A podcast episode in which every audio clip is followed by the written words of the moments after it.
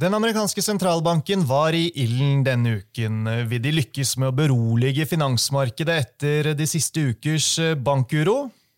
Tja, det ser ikke helt slik ut når vi skuler til aksjekursutviklingen i Deutsche Bank. Og med fortsatt uro rundt bankene, hvordan skal man navigere videre i aksjemarkedet nå? Dette skal Paul Harper og jeg diskutere nærmere i denne episoden. Du får også høre fra oljeanalytiker i eh, DNB Markets, Steffen Evjen, som er ute med en ny rapport om de store norske oljeselskapene og utbyttekapasitet. Og eiendomsanalytiker Simen Mortensen om hvordan nye EU-regler treffer eiendomsaksjene. Og andre aksjecase vi planlegger å touche innom i dag, er bl.a. XXL, Schibsted og riggsektoren.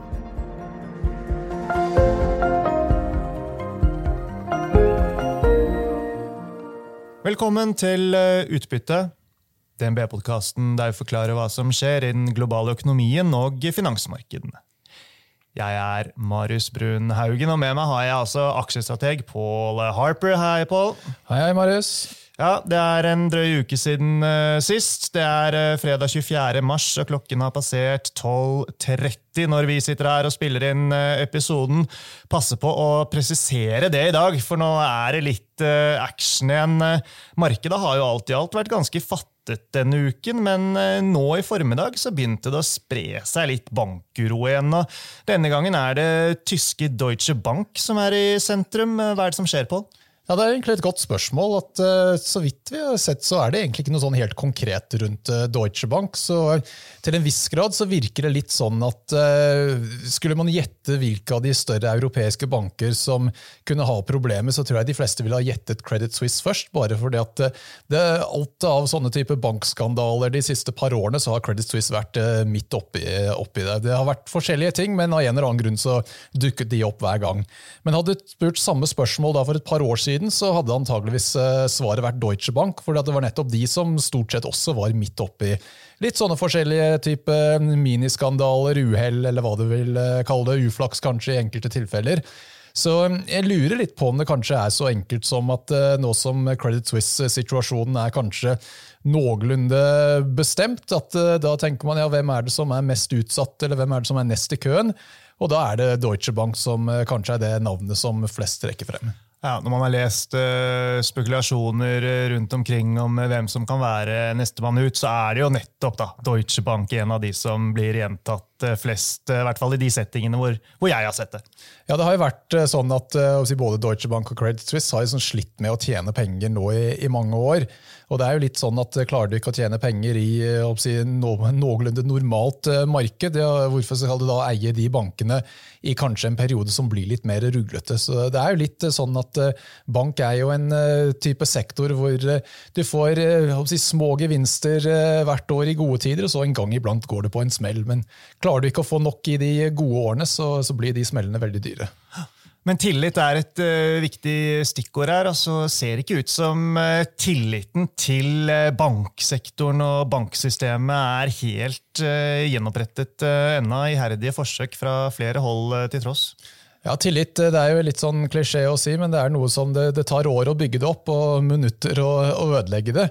Og som du sier, Bank er jo en tillitsbransje, både i forhold til det at det er ikke så voldsomt eh, transparent eh, helt hva som skjer der. Det blir sånn black box for, eh, for de aller fleste, bortsett fra de som jobber midt oppi det. Men i tillegg så er det sånn at eh, banker er jo forholdsvis eh, giret eh, enheter, så da blir det til at hvis alle kunder finner ut at de vil trekke pengene ut samtidig, så vil enhver bank komme i problemer. Så tillit er et veldig viktig poeng her, og mister du det, så blir de fleste bankene i en vanskelig situasjon. Ja, Du skal komme litt tilbake til uh, dette etterpå. Um, for øvrig så uh, står jeg på det jeg sa i forrige episode, at uh, denne uroen rundt bankene altså Dette skal man se på som en sånn veldig tydelig symptom hos pasienten. Og pasienten er jo her da, metaforen for markedet, som kanskje ikke ligger på akutten, men Det ser jo ut som det er ganske stor sannsynlig for at uh, sykdomsforløpet skal bli verre før det en gang blir bedre, og så vet vi bare ikke helt med timingen. Ja, Dette er noe som vi har trukket frem i, i mange anledninger på disse podkastene. At eh, finans og bank er en veldig viktig sektor å følge med på, uansett om man er investert uh, i sektoren eller ikke. For Det er gjerne sett på som det man kaller en early cycle sektor, så Det er en av de første sektorene som begynner å slite når økonomien bremser opp. Og tilsvarende en av de første som eh, begynner å få en rekyl når eh, det begynner å, å gå bedre igjen etter en eh, nedgangsperiode. For det, det, er nettopp det at når markedet begynner å lukte at her kanskje kommer det noe lånetap, så er disse lånetapene noe som er såpass ødeleggende, i hvert fall i den perioden de, de er en, en utfordring, at da blir plutselig det helt dominerende. Og da blir det sånn at for øyeblikket nå for eksempel, så ser de meste bankene egentlig veldig billige ut. Hvis du ser på det på en PM-multiple, så de fleste handler på en PM-multiple under 10 og betaler ut utbytte på type 6-7-8% i mange tilfeller. Så det ser veldig billig ut. Så hvis det ikke funker, da, hvis du ikke klarer å få en grei avkastning til tross for at det er billig, så forteller det deg at det er et eller annet annet som skurrer litt eh, i bakgrunnen. Og da er det nettopp det at markedet er redd for lånetap. Mm. Så får bare presisere det at eh, ting eh, svinger jo mye og fort nå. Så denne uroen rundt Deutsche Bank eh, blusset jo opp i formiddag. Sendte alle europeiske indeksene i rødt. Så når vi gikk og I studio da, for å spille inn eh, sendingen så var eh, hovedindeksen ved Oslo Børs ned eh, nesten 3 Oljeprisen sklidd litt til 72,5 dollar fatet, og amerikanske tiårsrenten ned til 3,3% og Ser vi på hovedindeksen, Paul, så er det nå når vi sitter her, bare Tomra og Orkla som er opp blant de 68 aksjene på, på listen. Ja, Orkla har jo vært eh, en av de som har klart seg ganske bra. og eh, igjen, Dette er et tema vi har snakket om eh, flere ganger tidligere. at I dårlige tider og hvor det er mye usikkerhet, så én ting man kan være sikker på, er at folk trenger å spise uansett. Og Da blir det til at selskap som Orkla, da, som produserer noe som man må ha uansett hvordan det går med økonomien, klarer å gjøre det relativt sett ganske bra. Akkurat Tomra er kanskje litt mer eh, si, rart på, på ett vis. Eh, for det er jo et selskap som eh, i utgangspunktet er ganske dyrt, men de får jo om ikke annet en fordel av at rentene kommer noe ned. Og eh, I dårlige perioder, da, når det er sånn type eh, krakktilstander på børsen, så er ikke prising egentlig det som er eh, det viktigste å følge med på. Der er det gjerne sånn at billige aksjer gjør det dårligere enn dyre aksjer. Gjerne fordi at de dyrere aksjene er stort sett de selskapene som har sterk balanse og mer stabil inntjening. Så du kan si de er dyre av en grunn, og da er det det at i en nedgangsperiode da, så skal man egentlig ha kvalitet fremfor value, og så er det rekylfasen hvor du da skal være overvektig til value. Ja da, og Vi legger ikke altfor mye vekt på disse kortsiktige eh, svingningene, men eh, det var nå en morsom observasjon, da. Skal vi gå til uh, rentemøtet, som vi jo var uh, spente på denne uken. Uh, hele markedet. Det var sikkert flere enn meg som fulgte pressekonferansen til den amerikanske sentralbanken onsdag kveld. Amerikanerne hevet renten med en kvarting de til 5% Her hjemme så er jo renten også blitt hevet med en kvarting til 3% Men det er jo USA-biten av dette her som er viktig for aksjemarkedet, og det vet jo også dere lyttere. Jeg satt igjen med en følelse på av at sentralbanken denne gangen gjorde det beste ut av situasjonen, tross alt. hva mener du? Det er kanskje lettere å se det litt annerledes i dag, da, som det er litt uroligheter i banksektoren igjen, men, men likevel. Ja, jeg tror det var vanskelig egentlig å, å, gjøre så veldig mye annet. for jeg tror Hadde de ikke satt renten opp, så ville det spekulasjonene begynt om uh, hva er det Fed vet som vi ikke vet, og at det da ville være bekymringer for at det var en annen bank som var uh, på randen av en, en, kollaps av noe slag. Så jeg tror egentlig jeg gjorde det, det som var det eneste fornuftig. For vi må huske at eh, bak alt dette her, så, så er inflasjonen fortsatt noe høyere egentlig enn det de fleste kanskje hadde forventet. det kommer ned, men ikke like fort som mange hadde trodd period. Og det er litt sånne forskjellige måter du kan drive og eh, si, trikse litt med disse inflasjonstallene, men uansett hvordan du, hvilken variant av inflasjon du ser på, så er stort sett eh, konklusjonen det samme. At eh, den inflasjonen kommer ikke ned like fort som man hadde håpet. Så da var det veldig vanskelig egentlig å gjøre noe annet enn å sette renten opp. 50 punkter tror jeg ville skremt eh, livet av de fleste, så 25 tror jeg var den riktige beslutningen. Og Første reaksjonen i markedet var også opp etter at det ble annonsert. Så Sånn sett så tror jeg de egentlig gjorde det de skulle. Ja da. Og um, når det er sagt, da, Ikke alle er enig med deg og meg at Fed gjorde det rette. De som vil ha lavere renter, har jo allerede tatt til orde for at Fed setter finansiell stabilitet i større fare med renteøkning denne uken. og Særlig siden finansministeren Gjellen omtrent samtidig erklærte at innskudd i utsatte banker ikke alltid vil kunne beskyttes. Ja, så Det var det som egentlig var the market moving impact eh, den dagen. At uh, første reaksjonen uh, etter beskjeden fra Powell var, var, pluss, og så kom denne gjeldende talen og trakk markedet ned igjen. Så Det er litt det med banksituasjonen at vi må huske at hvis du har penger i en mindre bank, så koster det deg ingenting å ta de pengene ut og sette det i en større bank.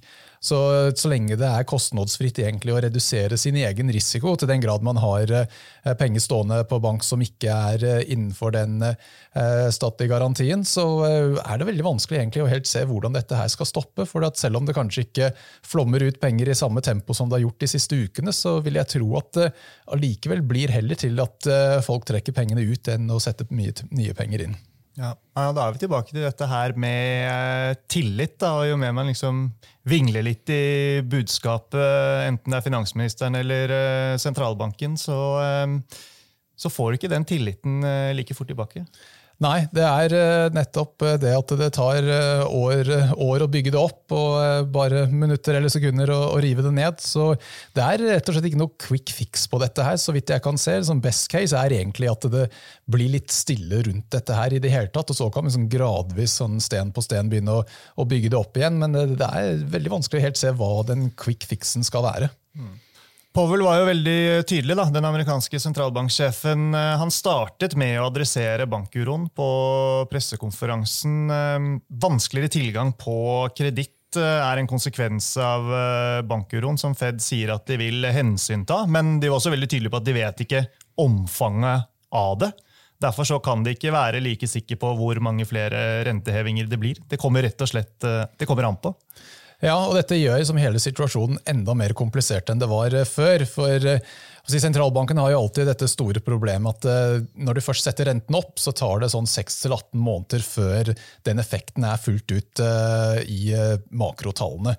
Men så i tillegg, da, hvis du har en, eh, enda en moving part eh, her, med at eh, bankene begynner å stramme inn en god del på kreditten også, så blir det egentlig til at det er egentlig mer de kommersielle bankene som er den innstrammende effekten, heller enn at det er Fed som driver og drar i, i spaken her. Og du kan si at Det gjør situasjonen både mer uforutsigbar og vanskelig for Fed å forstå, men i tillegg så har det denne faktoren at bankene strammer inn på kreditt, egentlig fordi at de vil prøve å passe på at de ikke selv kommer i problemer. Så, så, de kommer ikke til å ombestemme seg hvis inflasjonen kommer ned. Så i motsetning til sentralbanken, som da begynner å reversere renteøkninger når de ser at inflasjonen eh, går riktig vei, så tror jeg man må egentlig anta at de eh, kommersielle bankene kommer til å bare fortsette å stramme inn. Og da blir det som en slags selvforsterkende effekt. at det er det dårligere tilgang på kreditt i økonomien, så slår det negativt ut på, på, veksten. Men hvis det da blir dårlig vekst, så blir bankene enda litt mer risikoavers. Og da er det sånn helt, litt vanskelig å se helt hvordan den, eh, du skal stoppe den ballen og, og rulle. Og da kan det liksom ende opp med å bli en litt sånn selvforsterkende effekt som bare trekker økonomien inn i resesjon. Mm. En annen ting jeg bet meg merke i, som Povel eh, kommenterte, det var hvor fort dette bankrunnet hadde gått. At det hadde gått veldig fort uh, denne gangen. Altså at folk uh, rushet for å ta ut uh, pengene sine. Og at ja, det skjedde før man fikk snudd seg rundt. Ja, Det er jo litt uh, i den tiden vi er, at nå er det ikke sånn at du må stå i kø utenfor banken og uh, vente på å få uh, sedler levert ut av skranken. Her er det sånn at du kan bare gå på en app eller på, på nettsiden og, og, gjøre det nesten momentant. Og det, det gjør liksom at hele situasjonen nå Vi har snakket om dette her i forhold til kursutvikling også, at når det er algoritmestyrt handel, så skjer det det tar ikke et sekund engang. Det er sånn type milliseconds det er eh, snakk om. Så alt går fortere nå med, med den teknologien som er tilgjengelig. Og, og det er mange positive ting med det, men så er det også noen negative sider med det, som vi ser eksempler på nå. Ja, så Spesielt når det gjelder en type bankrun-scenario, så er det litt en sånn type anekdote man hørte før i tiden. Da, at Hvis det var en bank som var i sånne problemer, så fikk de som satt i skranken beskjed å telle ut pengene så sakte som mulig. Så liksom Prøve å gjøre den prosessen at det bare tok lengre tid for å få pengene ut av banken. Men nå er det jo mye vanskeligere å, å egentlig gjøre noe tilsvarende. Så det er som du sier, det, er, det har sine praktiske sider, men det øker jo også risikoen i en slik situasjon vi er i nå. Mm. Sammenslåingen eh, med UBS og Kreditt Suisse ble også kommentert. Eh, bra at det ser ut til å gå bra, var vel noe sånt eh, i den duren Powell sa. Men det han ikke nevnte, det var at det ble litt føss i markedet i kjølvannet av annonseringen om sammenslåingen eller overtagelsen av Kreditt Suisse. Eh, ankepunktet her for markedet var vel rundt disse lavrettede AT1-obligasjonene som ble skrevet til null, til tross for at eh, aksjonærene får litt, og at dette her er et eh, brudd på kutymen. Men så har det vel vist seg at det er noen egne sveitsiske regler som gjør at de har sitt på det tørre her. Men spørsmålet mitt til deg, Pål. Altså, det ble litt uroligheter i markedet rundt dette. her. Kommer det til å kunne skape noen form for trøbbel resten av året på noen som helst måte? Er vi tilbake igjen til dette med tillit? Ja, Tillit er det ordet som dukker opp igjen og igjen i, denne sammenhengen. og Det er litt sånn du sier at det er kanskje det er innenfor regelverket så vidt det ser ut. Men det er litt sånn imot eh, kan du si, the spirit of the law. Um, og Det er interessant egentlig å se hvor raskt ute uh, europeisk sentralbanken var og Bank of England var, og si at uh, noe tilsvarende kommer ikke til å skje der. For Konsekvensen av dette er at uh, banker da, som selger andre banker som ikke er involvert i Credit Suisse på noe, noe som helst måte, de har jo tilsvarende bånd som de vil prøve å utstette og, og rulle osv. Men nå, hvis eh, det er noe tvil om eh, hvor du egentlig står i køen eh, i en sånn situasjon, hvis banken skulle gå over ende, så gjør det at finansieringskostnaden for den type kapital blir dyrere enn det er, har vært tidligere. Så dette har en konsekvens egentlig for samtlige europeiske banker, og egentlig kanskje si globale banker. Det at myndighetene gjør si, sånne type trekk, gjør at man mister litt tillit til eh, hele den prosessen. Og det er jo flere hedgefond nå som har kjøpt opp uh, disse bondsene og har tenkt å føre en sak uh, i retten, så det er ikke sikkert at denne saken er helt, helt ferdig ennå. Men igjen, det er dette problemet med tillit, at hvis myndighetene driver og trikser litt med reglene, selv om det kanskje er sånn svart på hvitt så vidt lovlig, så ødelegger det for nettopp den forutsigbarheten. Og Forutsigbarhet har jo vært et tema i, i Norge også. Det er noe som er veldig viktig å ikke undervurdere. At eh, med en gang det er sånne type usikkerhetsfaktorer, så vil folk få mer betalt for å ta den risikoen. Så eh, jo, min, jo mindre forutsigbart ting er, jo dyrere blir det.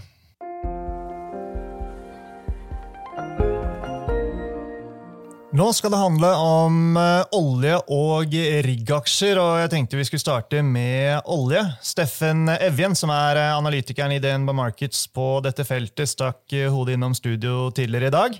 Han sendte denne uken ut en rapport på de store oljeaksjenes utbyttekapasitet, og her skal dere få en liten løypemelding fra ham.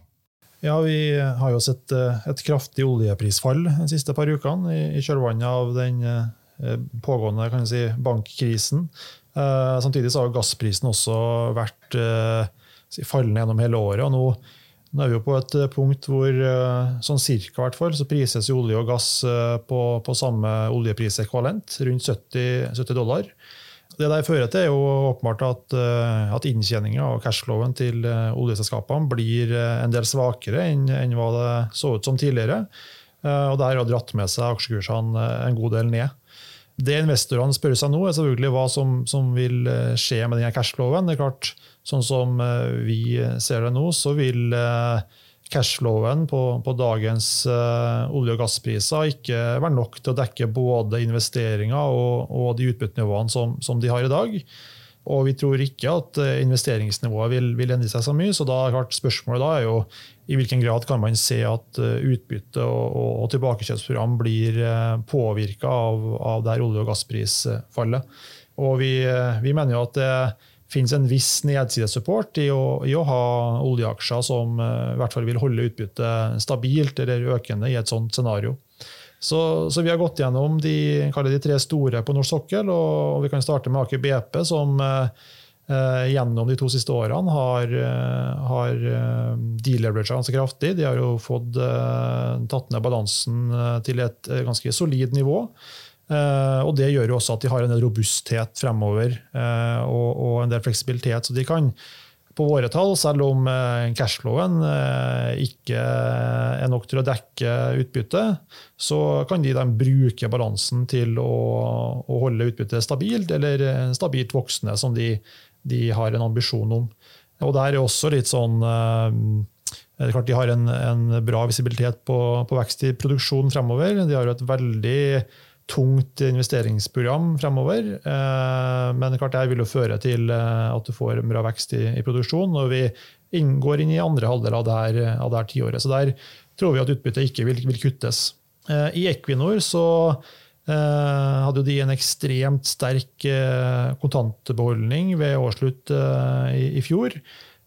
De skal betale ut ca. 17 milliarder dollar i utbytte og tilbakekjøp i 2023. Uh, og, selv om olje- og gassprisen har falt en del nå, så tror vi fortsatt at Equinor vil ha en, en, ganske sterk balanse når vi går ut av det her året også. Så de må fortsette med ganske høye utbytte av tilbakekjøp for å da på sikt si, normalisere balansen sin tilbake til et historisk nivå som de, de har som, som ambisjon. Så, så, der tror vi også at utbyttet vil holde seg ganske, ganske bra. Ehm, til slutt, Vår Energi. Ehm, litt annen posisjon. De har en noe svakere balanse enn Aker BP. Samtidig har de flere prosjekter nå som er i en sånn kritisk sluttfase. De vil ha en bra vekst i produksjon de neste par årene, men etter 2025 så, så er det litt vanskeligere å se hva som skal dra den produksjonen videre.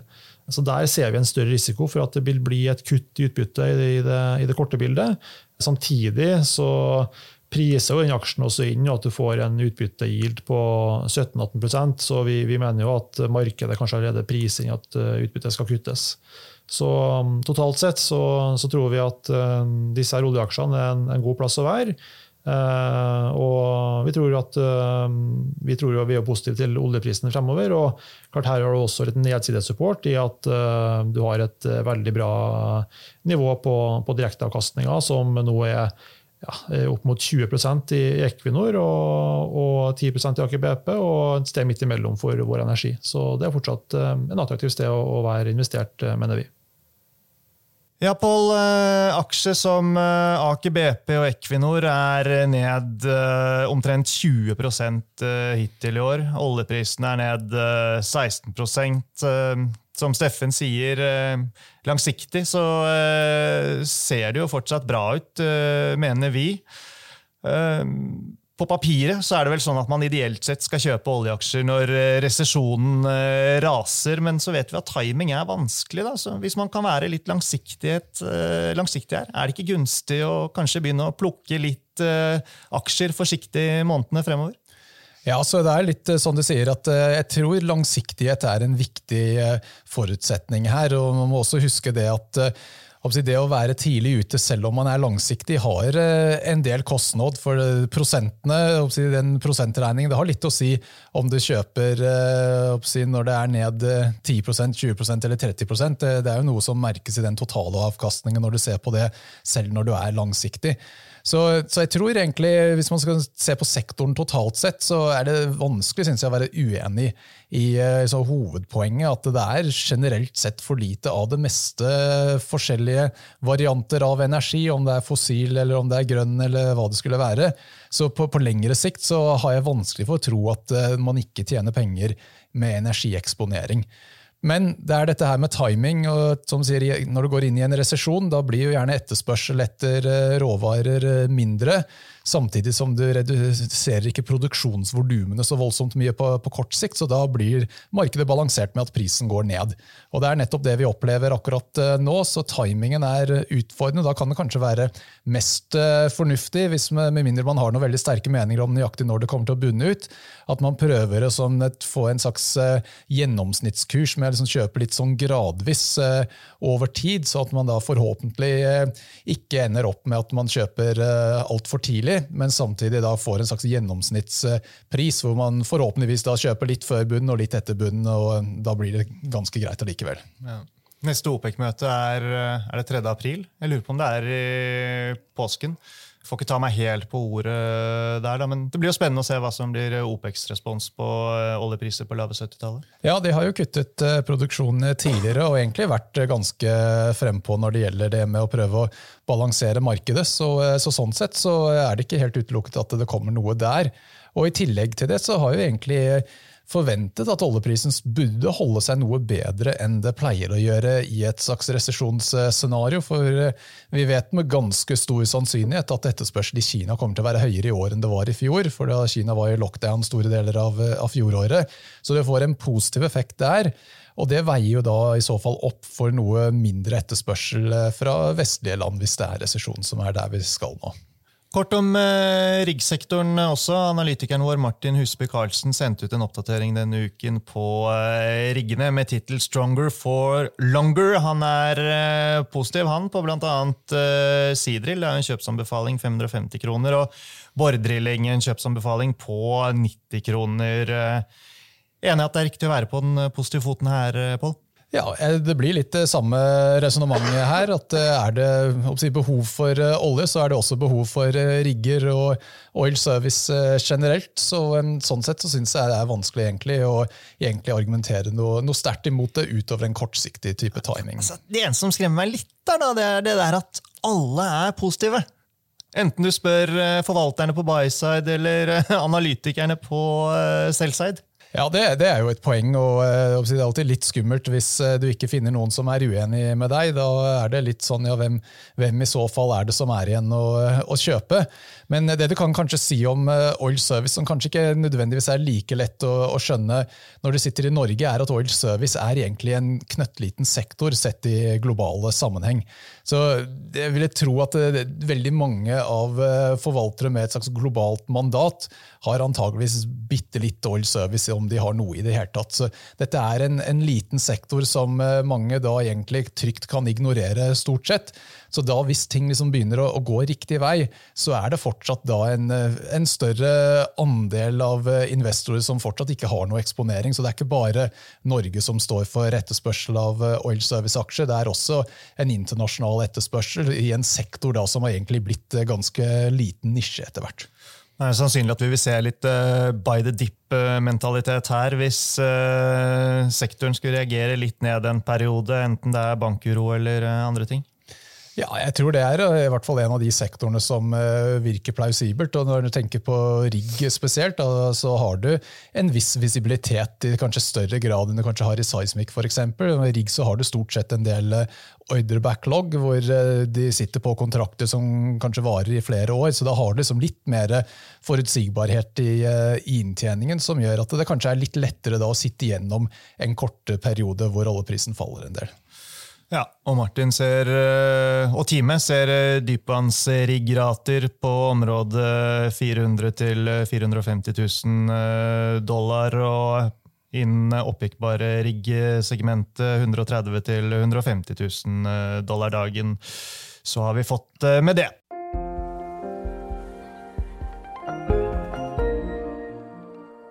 Over til eh, eiendom. For ikke lenge siden kom det nye EU-krav som skal bli implementert i årene som kommer. og Dette er en eh, brikke i hele det grønne skiftet. Så jeg fikk eh, eiendomsanalytikeren vår Simen Mortensen til å lage en eh, kort oppsummering på hva det er som skjer, og, og, og hvordan det treffer sektoren på Oslo Børs og, og noen av eh, aksjene. 14.3 i år så vedtok EU-parlamentet å sende gjennom en godkjenning på en lovtekst som har gått gjennom EU-kommisjonen og EU Council allerede. Eh, dette direktivet og endringene det heter jo Energy Performance Building Directive, kort fortalt også EPBD eh, når man leser om det. Og kort fortalt så går dette direktivet ut på at eh, denne energiklasseskalaen mange kanskje har sett på når de kjøper boliger i dag, den skal standardiseres, bli påtvunget alle som eier eiendom innen 2025, når de selger, kjøper, leier, finansierer eiendom. Uh, og I tillegg så er det jo én ting i denne lovteksten her som er verdt å merke seg, og det er jo at de også introduserer krav til minimumbokstaver litt fram i tid her. Kort fortalt så skal jo denne skalaen rebalanseres, og 15 uh, av de dårligste eiendommene skal klassifiseres som G, bl.a. Men det som er litt spesielt å merke seg for eiendomsaksjer i Norden, er jo at de skal jo både forby energiklasse G, F og E i kommersiell drift og i finansiering og i utleie. Og dette kommer til å medføre en veldig økt uh, renovasjonsbehov i uh, hele europeisk, men også da trolig i norske eiendomsmasser. Hvordan disse lovtekstene blir endelig seende ut, er jo litt tidlig å se. For, for dette er gått nå i en sånn trilog-fase. Men én eh, ting som vi biter oss merke til her, er at nå begynner EU og kravene om å komme og renovere eksisterende eiendomsmasse for å bedre energibruken. Og Vi tror jo det at eh, dette kommer til å ha stor innvirkning både for vedlikeholdskostnader for eh, eiendomsselskaper. Men, eh, så Der blir det jo en stor kostnad for de som besitter eiendom. Men selskaper som f.eks. Multiconsult, Veidekke, AF-gruppen vil jo dette være en stor vekstmulighet eh, framover. Og Multiconsult tok vi jo nylig opp dekning på. 170 kroner har vi anbefaling på den. Og vi tror jo nettopp at denne kalkulasjonen som trengs for å gjøre denne energieffektiviseringen osv. kommer til å åpne opp et ganske stort nytt marked for selskapet, i årene som kommer. Eh, og vi ser jo det at når du må regne på energibruken, hvilke tiltak som må gjøres og hvordan, så er jo det et stort potensial for en aksje som Multiconsult. Men tar du f.eks. en eiendomsbesitter som Olav Thon, så er jo dette mye mer en kostnad.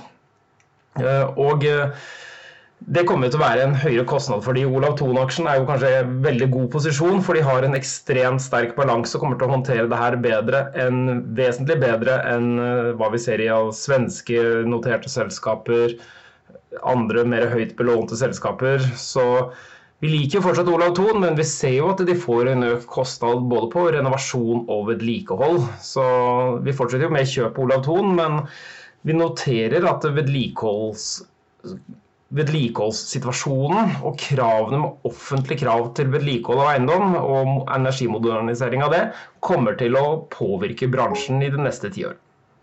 Ja, På Multiconsult så har vi altså eh, kjøpsanbefaling, kursmål 170 kroner. Startet eh, analysedekning der eh, tidligere denne uken. Når det gjelder Olav Thon, så har vi også en kjøpsanbefaling og kursmål 240 kroner. Og så får vi minne om da, Paul, at Olav Thon det er ikke en sånn veldig likvid aksje, så det er viktig å hensynta hvis man velger å handle i den. Ja, det er ikke noen typisk trading-aksje, det der, så der må man, må man, egentlig være litt langsiktig, tror jeg. Mm. Før vi konkluderer litt om uh, veien videre for uh, aksjer og uh, avslutter dagens episode, skal vi innom konsumhjørnet av børsen. For her har analyseteamet sendt ut oppdateringer på bl.a. Schibsted og XXL denne uken. Og Når det gjelder XXL, så eh, er det en eh, håndholdanbefaling med kursmål 2 kroner og 60 øre. Analysetittelen sier eh, det meste i overlevelsesmodus. Du kalte det caset her, Paul, for noe som tok meg tilbake til ungdomsskolen og bandet Green Day, som jeg hørte på da en periode. Basketcase, kalte du det.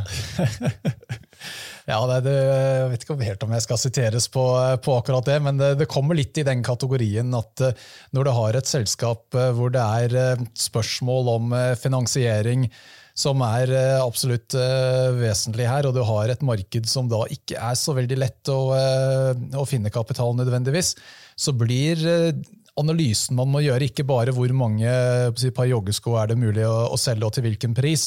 Det blir også eh, igjen da, litt tilbake til det tillit. Tror du de klarer å egentlig få den nødvendige tillit hvis det er behov for å hente noe, noe mer penger? For Det er litt sånn innenfor uh, retail nå at spesielt når det gjelder sportsutstyr, at hvis folk har dårligere råd, så er det som regel et eller annet som ikke er så veldig vanskelig å utsette kjøp av. Så sånn sett så er de absolutt utsatt i en eh, situasjon hvor det skulle bli, eh, hvis det skulle bli resesjon eh, her. Og nå er det jo også sånn at De hadde en slags boomperiode under covid, så av sånne type utstyr som har litt mer holdbarhet også over tid, så har nok veldig mange kjøpt det de trenger, så det holder i en del år også. Så Vi kan bare konstatere at det er ikke mye som har endret seg rundt XXL-caset siden vi snakket om det her på podkasten forrige gang. Det dreier seg om lånebetingelsene og at de eh, klarer å levere i henhold til eh, de. Skal vi gå over til uh, Skipsted. Der har vi kjøpsanbefaling, kursmål 300 kroner. Men har ikke sånn veldig store forventninger inn mot førstekvartalsrapporten. Nei, vi er egentlig litt under konsensus der. og En av de tingene som jeg alltid slitt litt med, med Schibsted, at det, det er sånn at Når du ser på estimatendringene over tid, så har det nesten alltid vært negativ. Det er veldig sjeldent egentlig at det har vært noe oppjustering i, i estimater. Og Det er som en av de faktorene som jeg pleier å skrine på først når jeg skal prøve å finne aksjer jeg liker. Jeg vil se at analytikerne blir mer positive til inntjeningsforventningene hver gang de går tilbake til regnearket, heller enn at de må drive og justere ned til enhver tid. Og nå ser det ut som den negative trenden bare fortsetter her. Det var vel egentlig mest innenfor mediedelen delen som eh, vi tror de kommer til å, å skuffe litt eh, her. Og Viktig å huske at uh, Schibsted, selv om det er et vekstcase, så er det også syklisk. Så er, Aksjen har gjort det egentlig veldig bra hittil i år, og jeg tror i hvert fall en del av forklaringen på det er at det, det er ikke så veldig mange type large cap vekstcase på, på Oslo Børs. Det meste er jo egentlig ganske syklisk, og vi ser i USA at de FANG-aksjene, sånne large cap tech, har gjort det bra. Så jeg tror liksom, Schibsted har gjort det bra med at de egentlig liksom, kommer litt i samme kategori. Så de har hatt en ganske, ganske bra utvikling hittil eh, i år. Men jeg syns kanskje at det er ikke fullt ut har fortjent det, når du ser hvordan inntjeningsestimatene har, har utviklet seg. Så jeg må si jeg har vært litt skeptisk til denne her lenge. Ja. Ok, skal vi avslutte med eh, litt eh, hvordan vi skal navigere videre da, i eh, dette markedet, Pål? Spør du en typisk norsk forvalter eller en aksjestrateg som deg selv, så, så, er vel svaret noe sånt som at man bør unngå å ta for stor risiko, sånn som markedet er nå. Det handler om å finne vekst i attraktiv pris, og aller helst så skal selskapet sprute kontanter. Ofte så koker jo dette ned til uh, noe anbefaling innen energi uh, og shipping. da. Uh, så skal ikke jeg komme her og påstå at jeg har noe veldig mye bedre forslag, da, utover at jeg tror laks kommer til å være bra på sikt. Og, og den observasjonen vi snakket om tidligere i dag og de foregående episodene, at defensive aksjer som Orkla Telenor endelig kan du si, ser ut til å funke litt igjen.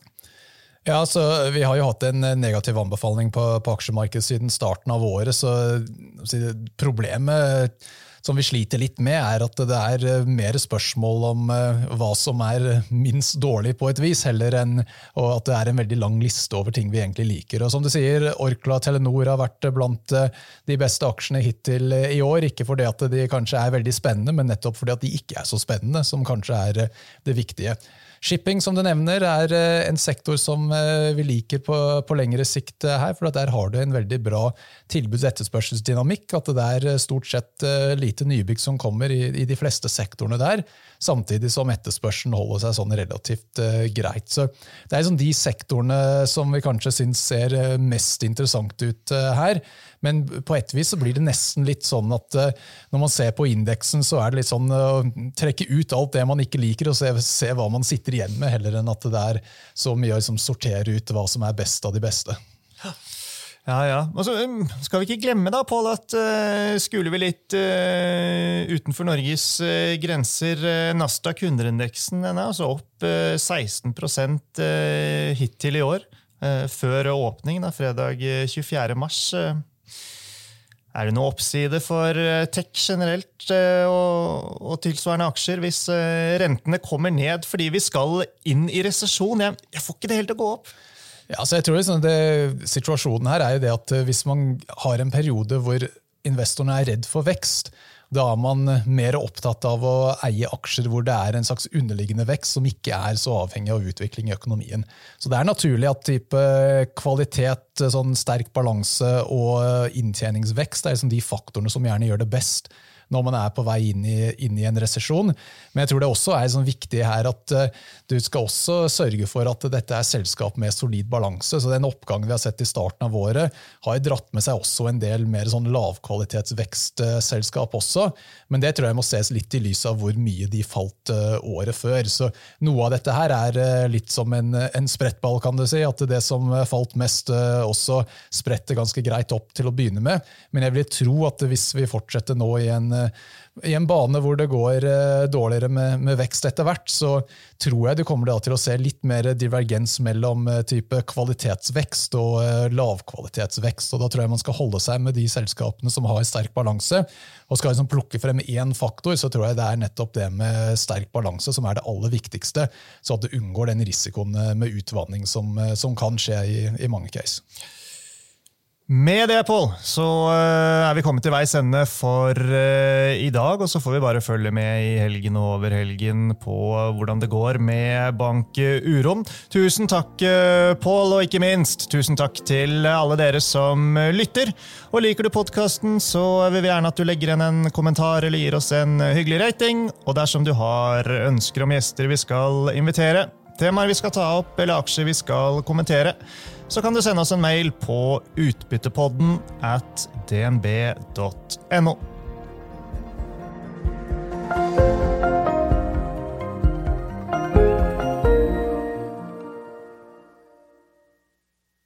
Denne sendingen ble publisert i podkasten Utbytte. Innholdet i sendingen er å anse som markedsføringsmateriale fra DNB og er ment å være generell spareveiledning. Sendingen skal ikke oppfattes som et tilbud om å kjøpe eller selge finansielle instrumenter, eller som investeringsrådgivning tilpasset den enkelte investors situasjon. En investor som har behov for råd eller har spørsmål og informasjon som gis, bør kontakte en finansrådgiver. DNB påtar seg ikke noe ansvar verken for direkte eller indirekte tap som følge av innholdet i sendingen legges til grunn for eventuelle investeringsbeslutninger. Husk at historisk avkastning aldri er noe garanti for fremtidig avkastning. Avkastningen kan bli negativ som følge av kurstap. Bruk av prognoser for å beregne fremtidig avkastning er heller ingen garanti for fremtidig avkastning. Innholdet i sendingen bygger på informasjon fra offentlig tilgjengelige kilder som DNB ser på som pålitelige, men som ikke er uavhengig verifisert. Følgelig gir DNB ingen garanti i forhold til nøyaktighet og fullstendighet. Alle uttalelser her reflekterer DNBs, den enkelte ansatte, eller andre tredjeparts vurderinger på tidspunktet for den aktuelle sendingen, og kan i ettertid endres uten nærmere beskjed. Ytterligere informasjon om bl.a. kildebruk og interessekonflikter er tilgjengelig på dnb.no skråstrek invest disclaimer.